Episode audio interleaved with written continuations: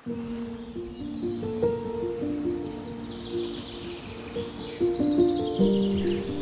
leuk dat je luistert naar de podcast Als Onveilig Veilig Wordt. Mijn naam is Judith Bruin, ik ben de oprichter van de Sacred Sex Academy. Liever heb ik dat deze podcasten niet nodig zijn en uh, dat bij iedereen de seksuele energie al vrij rond zou stromen. Want seksuele energie is je levensenergie. En ja, daar kun je seks mee hebben, maar het is ook de energie waarop je danst, werkt, loopt, fietst, vreugde voelt en vooral zingeving ervaart. Um, in de vorige podcast gaf ik het al aan. In de podcast We zijn allemaal beschadigd in onze seksualiteit. Um, door je aan te passen, laat je iets van jezelf achter. En je maakt dat wat veilig is. Of ik zeg het verkeerd om. En je maakt dat wat onveilig is, veilig. Nou, hoe werkt dat dan? Daar gaan we in deze podcast mee verder. Um, het niet ladingsvrij opgroeien, dat is een, een spanning in je leven die niet fijn is. Um, dat gebeurt helemaal niet altijd bewust, hè?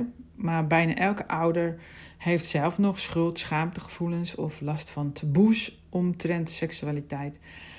Dus als seks en spanning bij elkaar komen, en dan bedoel ik dus niet het soort spanning dat wenselijk is. En hier ontstaat ook al verwarring, want de onveilige spanning kan ook geregistreerd worden als opwinding. Um, en dan wil je daar weer meer van. En om het nog verwarrender te maken, als je dan seks hebt met iemand bij wie je het veilig voelt. En die spanning dus verdwijnt, dan verdwijnt ook de opwinding. En dan wordt seks ineens saai. En denk je dat je de verkeerde gekozen hebt. Want je wilt die leuke, niet leuke, uh, nou in ieder geval die opwindende spanning weer terug. Maar goed, dat is dus weer een, een ander onderwerp. Maar het is best wel. Uh, nou ja, niet gecompliceerd, maar moet, je moet een beetje de boel ontwarren af en toe, zeg maar. Um, als je seks uh, dus spannend vindt, als er een, een um, niet leuke spanning omheen is gekomen, iets van schuld, schaamte, toch nog taboes. Of als je dus bewust die onveilige spanning opzoekt, maar bewust is, hoe bewust is dat dan? Maar goed, uh, dat is allemaal een vorm van onveiligheid. En um, nou ja, onveilige situaties worden in je lichaam geregistreerd als in levensgevaar zijn. En als je in levensgevaar bent, dat is niet het juiste moment om seks te hebben. Het is gewoon niet de beste tijd om je voort te planten. En daar moet je veiligheid voor hebben, juist. En uh, warmte en genoeg voeding en zo. Allemaal van die basisbehoeftes moet voldaan worden, waaronder veiligheid. Dan, dan ga je voortplanten, dan heb je seks, zeg maar.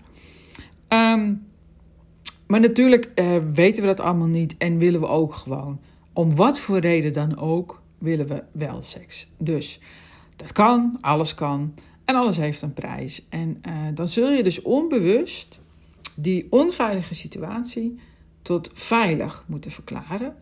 En dan kun je wel seks hebben of doorgaan met je leven. Hè? Want zoals je het een doet, doe je het ander. Dus dit, dit gebeurt ook in ons dagelijks leven. Dat we onveilige situaties noodgedwongen uh, veilig verklaren. Het is een heel logisch mechanisme. Het helpt de menige mens door de kindertijd heen. Um, want we kunnen gewoon niet permanent ons onveilig voelen, zeg maar. Dus, dus in onveilige situaties is er een mechanisme in ons dat het zeg maar voor veilig verklaart en dat ons dan de illusie geeft dat we ook de controle weer uh, terug hebben. Um, dat is natuurlijk een, een dingetje van uh, onze mind. En uh, ja, nu heb je er, kun je er bewustzijn uh, op krijgen. Um, en dat kon natuurlijk niet als kind, dus dan blijf je ermee doorgaan. Maar die kon, ja, dus je kunt er bewustzijn op krijgen. Um, en dat is ook heel erg nodig, zeg maar. Want wat jij als veilig verklaart, wat eigenlijk onveilig is, uh, dan wil je daar ook meer van. Dus als je eenmaal een bepaalde situatie vertrouwd is geworden, vooral als je erin opgegroeid bent, dan is je dat vertrouwd geworden. En dan zoek je dat in je volwassen leven ook steeds op. Terwijl het helemaal niet goed is voor je, zeg. Het is goed is voor je. Dus onbewust zoek je steeds weer onveilige situaties op en trek je de verkeerde mensen aan in de veronderstelling dat dat goed gaat met je, dat je je dan veilig uh, voelt. Nou, dit mechanisme werkt een beetje als zo. Hè? Je kunt die spanning op dat moment niet oplossen. Het is niet eens van jou. Het, het wordt je voorgeleefd of het wordt bij jou gedropt hè, als je grenzen overschreden wordt. Ehm, en dus moet je het een soort van plekje geven. Hè. Het veilig verklaren kun je ook zien als ik geef het een plekje. En op een gegeven moment zijn alle plekjes in je lichaam wel opgevuld. En um, met al die veilige situaties, die, of met al die situaties die veilig zijn verklaard. En dan loop je dus vast in je leven, in je seksuele leven. En uh, ja, dan krijg je misschien een burn-out of een depressie of uh, geen zin meer in seks. En dat is, ik zie dat allemaal als signalen die nodig zijn, helaas, uh, om je uiteindelijk weer dichter bij jezelf te brengen.